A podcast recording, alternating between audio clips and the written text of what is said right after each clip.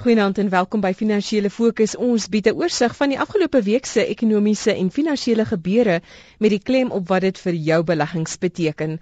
My naam is Erika van der Merwe en vanaand se gaste, Omri Thomas, fondsbestuurder by Abax Investments en Loret Viljoen, portefeuljebestuurder by Sasfin Securities. Goeienaand aan julle. Goeienaand Erika. Omri, ek weet jy's nie 'n ou wat korttermyn markbewegings dophou nie, maar dit het gelyk asof markspelers in groot afwagting was op Donderdag se Spaanse skuldveiling. Ek dink dit dit het amper die meeste markte in verskeie bateklasse beïnvloed en daar was 'n redelike angstigheid en ek dink daar is nog steeds 'n angstigheid oor die stygende koste om Spanje se skuld om te rol. Ja Erika, dit is amper asof uh, die markte op vakansie was voor die veiling, so so stil was dit. En soos jy reg opmerk, uh, die klem het geskuif van eh, 'n uh, fokus op Griekeland nou nou na Spanje. En dit is dit is kommerwekkend dat dit half so domino effek begin raak in in Europa. So reg, die mark het baie gekyk na wat wat uh, donderdag aangaan uh, in die Spaanse veiling en ehm um, mens kon sien hoe wipplank in die mark gery voor dit. Dan is hulle baie bekommerd oor oor Spanje oor die veiling nie gaan suksesvol wees nie en dan dink hulle dit gaan suksesvol wees. So dit was ek dink verblydend vir die mark op die einde dat die dat die veiling wel uh, redelik goed afgeloop het. Maar die, die kommer by nog steeds daar. Ek ek dink dit gaan 'n voortdurende situasie wees en en dit, dit is iets wat nie gou uitgesorteer gaan word nie. Mense sou graag wil hê daar moet 'n volhoubare oplossing vir die probleem wees.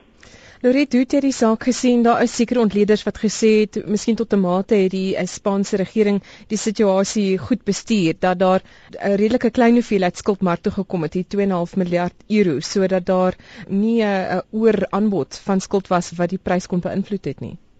Ja, Erika, en ek neig om gewoonlik met hulle saam te stem. Op hierdie stadium lyk dit asof die Spaanse regering die situasie beter hanteer as wat die Griekse regering dit gedoen het. Maar ons moet net ook onthou dat Spanje se skuld is baie groter as wat Griekeland se was. So hulle het nie regtig veel van 'n keuse nie. Hulle moet dit beter hanteer anders is ons almal in die moeilikheid. So op hierdie stadium dink ek dit was redelik suksesvol gewees. Um ons sal maar moet kyk wat die markte daarop sê en of hulle gelukkig is met wat gebeur het, maar ek dink tog as mens vorentoe kyk, behoort dit eintlik die eerste stappie in 'n baie goeie uh goeie vorentoe sessie te wees, soos wat Omri ook net sê, solank dit net goed hanteer word verder ook. Omri, daar's ook ander Spaanse temas behalwe nou dat die Spaanse koning uitgevang is dat hy eintlik 'n jagter is. Die feit dat 'n Spaanse maatskappy maatskappy Repsol wat 'n meerderheidsaandeel het in 'n Argentynse maatskappy nou ontdek het dat Argentinië hierdie besigheid IPF wil hernasionaliseer. Ja, Erika, dit is 'n uh, bietjie kommerwekkend as mens sulke uh, nasionaliseringspraatjies sê. Uh, ons is natuurlik al bietjie gewoond daaraan hier in Suid-Afrika en gelukkig het ons nog nie van dit gesien nie, maar vir wêreldmarkte, dit dit skep baie kommer by by beleggers as uh, na, daar nasionalisering ge, uh, gebeur want jy het dan nie meer sekuriteit oor oor jou bates nie. Maar ek dink dit is ook wat ons begin sien al hoe meer in ontwikkelde lande is dat daar meer beskermingsmateriaal is, is om jou uh, kritiese industrie te beskerm. Dit is nie net Argentinië wat dit doen nie. Amerika het dit al gedoen, uh, Australië het dit al gedoen en ek dink in hierdie onsekere tye gaan ons meer van dit sien. Ehm um, maar dit is kommerwekkend van 'n van 'n markoogpunt af as mens sien dat dan nasionaliseringspraatjies is. En ek dink ons het nie die einde van hierdie gesien nie. Dit dit lyk of dit nou uitkring na 'n hele Europese drukgroep op Argentinië. Ehm um, so dit gaan interessant wees om dop te hou hoe dit uh ontvou. En verder noord van Argentinië Lorette, die Amerikaanse syfers van die afgelope week of wat, die uh maatskappy resultate dink ek was oor die algemeen heelwat beter as verwag en beter ook as die ekonomiese aanwysers wat ons sien vanuit Amerika. Baie waar Erika en ook maar 'n uh, gemengde bakkie wat mens daar kry. As mens kyk byvoorbeeld iets by soos uh, eBay wat donderdag aand net na die sluiting van die Amerikaanse mark hulle um eerste kwartaalsyfers aangekondig het, het hulle effens voor verwagtinge uitgekom, maar Microsoft en Google het nou weer laer as verwagting uitgekom. So dit is is maar soos ek sê 'n gemengde sakkie daar. Um as mens kyk na mark of aandele wat regtig op ons van toepassing is ook op opkomende markte, dan kyk ons na Coca-Cola wat weer wonderlike syfers uitgebring het, Yum Brands wat ook goeie syfers uitgebring het, maar effens in China is 'n bietjie laer was as wat analiste verwag het. Hulle het gesê dat dieselfde winkelverkope het het met 14% gegroei en analiste het 15% verwag. Nou, mense sou nie raai dat dit regtig baie groot impak gaan hê nie, maar dit kan natuurlik vir die maatskappy self so 'n bietjie van 'n demper plaas op sy groei vorentoe. Verwante tema daar omre ons eie maatskappy SAB Miller wat ook 'n internasionale voetspoor het en ook die blootstelling aan ontluikende markte soos Coca-Cola, soos Yum. Jy kan sien die ondersteuning daar wat hy nog steeds kry van die ontluikende markte. Dis 'n voortdurende storie van die ontwikkelde lande wat stadiger groei. Ja, absoluut Erika. Ehm um, as mens kyk na die area wat uh, uh, teleurgestel het, is dit definitief die ontwikkelde land. Ek bedoel Amerika was was af in, in die laaste kwartaal waar as jy kyk na Suid-Amerika was amper 10% op, Afrika was was dubbel syfers op. Uh, Suid-Afrika was was uh, self 6% op. So tereg uh, baie sterk prestasie uit ontwikkelde lande waar ontwikkelde lande nog steeds sukkel. En ons sien dit ook in die IMF e se pogings. Eh, Christine Lagarde wat uh, aansoek doen by verskeie lande om verdere fondse om die IMF e se koffers aan te vul. Sy het nou 320 miljard dollar se nuwe fondse bekom om sy leningsvermoëns aan te vul. Die FSA het egter gesê hy weier om enige verdere fondse aan te bied. Maar 'n land soos Japan het 60 miljard dollar gebied, Loret. Dis belangrik ek dink om sekerheid te gee vir die markte dat daar wel hierdie buffer is teen krisis.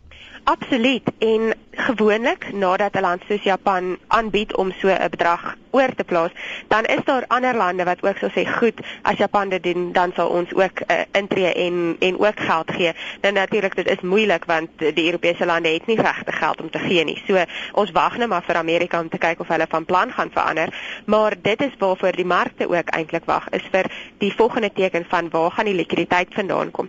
Gaan Amerika eerder vir die IMF e 'n nuwe fondse gee of gaan Amerika eerder sê dat daar weer 'n uh, kwantitatiewe verbetering gaan kom wat nou gedoop is QE3 en uh, ons ons wag nou maar om te sien waar gaan hulle eerder die geld heen um, stoot om te kyk waar die likwiditeit in die mark vandaan gaan kom. Omdat wat sê gevoel sal ontluikende markte die groot lande soos China, Indië, Brasilië ensovoorts sal hulle ook 'n bydrae wil maak aan die EMF. Erika, dis dis dis 'n moeilike eh, call om te maak. Ehm um, ek dink dit raak so 'n politieke speelbal en die wêreld is al so afhanklik van uh, kon ons nou met die BRICS lande. Mm. Maar aan die ander kant weer is dit ook vir hulle baie belangrik dat dat wêreldgroei redelik sterk bly. So ek dink daar is uh faktore wat dit gaan ondersteun, maar uh, ek dink jou ander ontwikkelde lande gaan ook versigtig wees om te afhanklik te raak van van uh, iemand soos so China en dat hulle te veel die septer begin begin swaai. So dit, dit gaan interessant wees om te sien of hulle wel gaan begin bydra. En ons bly by 'n ontluikende land Indië. Loret het sy beleidskoers met 50 basispunte afwaarts aangepas na 8%. Weer eens daai speling tussen inflasievrese en bekommernis oor ekonomiese groei. Hulle is ten gunste van groei-ondersteuning. Absoluut en dit was weer baie positief vir die markte gewees met die nuus wat daar uitgekom het. In 'n uh, verwante tema ook natuurlik het ons verbruikersinflasie uitgekom op 6% wat nie so hoog was soos wat baie mense verwag het nie en um ook nie so laag soos wat van die mense gedink het dit kan dalk daal nie. So dis weer eens daardie groot probleem van ondersteun jy groei en verlaag jy nou die rentekoerse of is die inflasie besig om te byt? Nou dit lyk asof die inflasie tot 'n sekere mate in Indië onder beheer is op hierdie stadium en dis hoekom hulle kon bekostig om die rentekoerse te verlaag. Ons sal moet sien of die res van die ontleikende markte hulle voorbeeld kan volg. Dit lyk wel asof dit in Australië ook gaan nodig wees dat hulle weer hulle rentekoerse verlaag wat natuurlik 'n verandering sal wees as gevolg van die feit dat hulle een van die eerstes was wat hulle rentekoerse verhoog het verlede jaar. So ons sal moet kyk waar fokus die mark die sentrale banke op hierdie stadium en gaan dit wees op inflasie of gaan dit wees op groei? Omri Lauret het verwys na ons eie inflasiesyfers dis vir Maart maand 6% inflasie. Wat is jou gevoel? Wat is die vermoë van ons verbruiker om steeds die ekonomiese momentum te bied? As jy kyk na stygende voedselpryse, elektrisiteit, brandstof en geadministreerde pryse in die algemeen dit plaas natuurlik druk op die verbruiker se inkomste, sy besteedbare inkomste en die implikasies ook daarvan vir kleinhandelmaatskappye. Ja, Erika, absoluut reg. En dit dis wat my tot verbaas het tot dusver. As mens kyk na die kleinhandelverkope syfers tot dusver, het dit eintlik baie sterk gebly. Ek dink dit was was op grond van eksterne faktore soos ons het baie sterk inflasie gesien in in veral staatslone. Uh, ons het ook staatswerksgroei gesien, maar ek dink die gemiddelde verbruiker is onder geweldige druk soos jy reg op opmerk met uh, petrolprysstygings, elektrisiteitsprysstygings. Ek dink ons gaan binnekort begin uh, waterprysstygings ook ook in die gesig staar. Ons natuurlik ondersteuning gehad van van rentekoerse wat uh op 'n op 'n laagtepunt sit. Maar as mens nou kyk na hierdie inflasiesyfers en na wat die vaste rente koerse vooruitstel, lyk dit of ons uh, weer nou in 'n stygende siklus gaan beweeg. So ek dink die die druk op die verbruiker uh, gaan net toeneem en dit dit dit maak dit moeilik. So ek dink maatskappye gaan gaan begin sukkel om om hierdie inflasie aan te gee na die na die eindverbruiker toe. Hmm en omre die implikasies vir waardasies en die aantreklikheid van die kleinhandelmaatskappye almal sê reeds hulle is te duur hulle wil nie noodwendige blootstelling hê aan daardie maatskappye nie.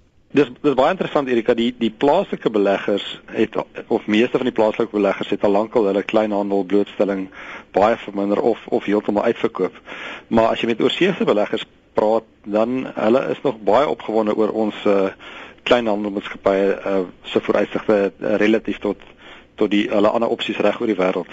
So baie van die aandeleregisters van ons kleinhandel maatskappye is is nou die meerderheid daarvan sit oor see.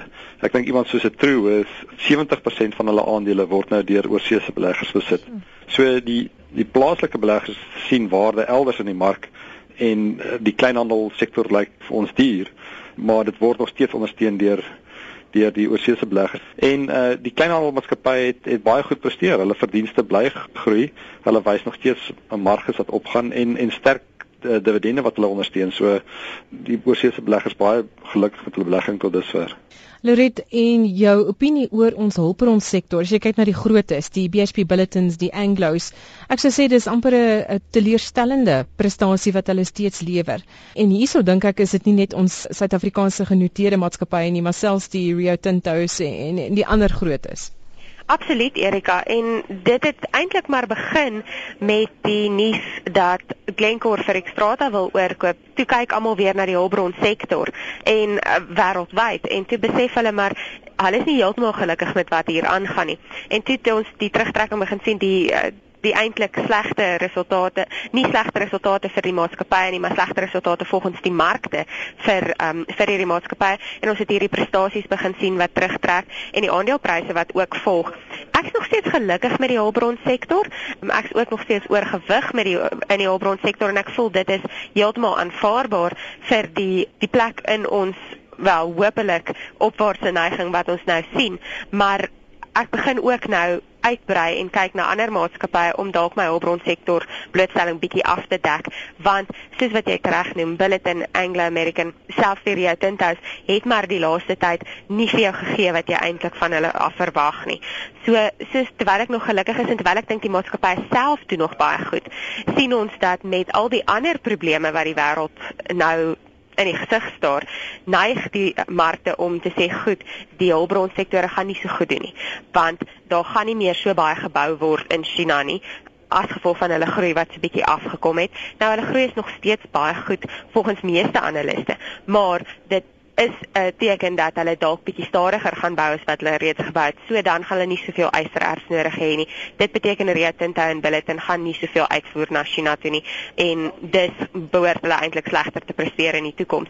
Of dit waar gaan wees, sal ons moet wag en sien, maar ek dink tog op hierdie stadium is dit 'n goeie ding om net so effens versigtig te wees vir die sektor. Omre ek wil graag jou reaksie hoor, maar ook ten slotte 'n reaksie op ietsie anders, miskien verwant in terme van randwaardasies, maar Suid-Afrika kwalifiseer nou om in 'n internasionale indeks eh, deel te maak, 'n wêreldregering staatseffekte indeks van City en dit het ons staatseffekte sterk laat loop vroeër in die week, uh, so ook die rand.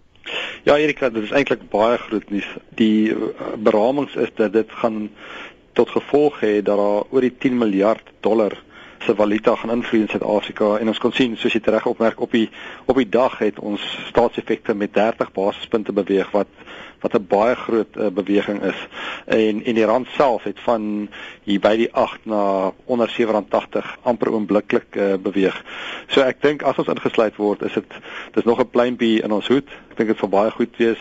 Daar's baie state wat hierdie indeks noukeurig volg en en streng daarvolgens belê veral uh, lande soos Japan. Ehm um, en ek dink vorentoe met die aantal kapitale investering wat ons wil doen in Suid-Afrika gaan dit vir ons baie makliker maak om befondsing daarvoor te kry deur ons insluiting in in so 'n indeks en dat ons hierdie die uh, geld kan plaas of die kapitaal kan plaas by uh, oorseese banke. Omrie baie dankie Omrie Thomas is 'n fondsbestuurder by Abax Investments. Loret Viljoen is 'n portefeuljebestuurder by Sasfin Securities en dankie ook aan jou die luisteraar vir die saamkuier. Volgende Sondag aand 20 voor 9 is ons weer hierso van my Erika van der Merwe. Geseënde week vorentoe. Totsiens.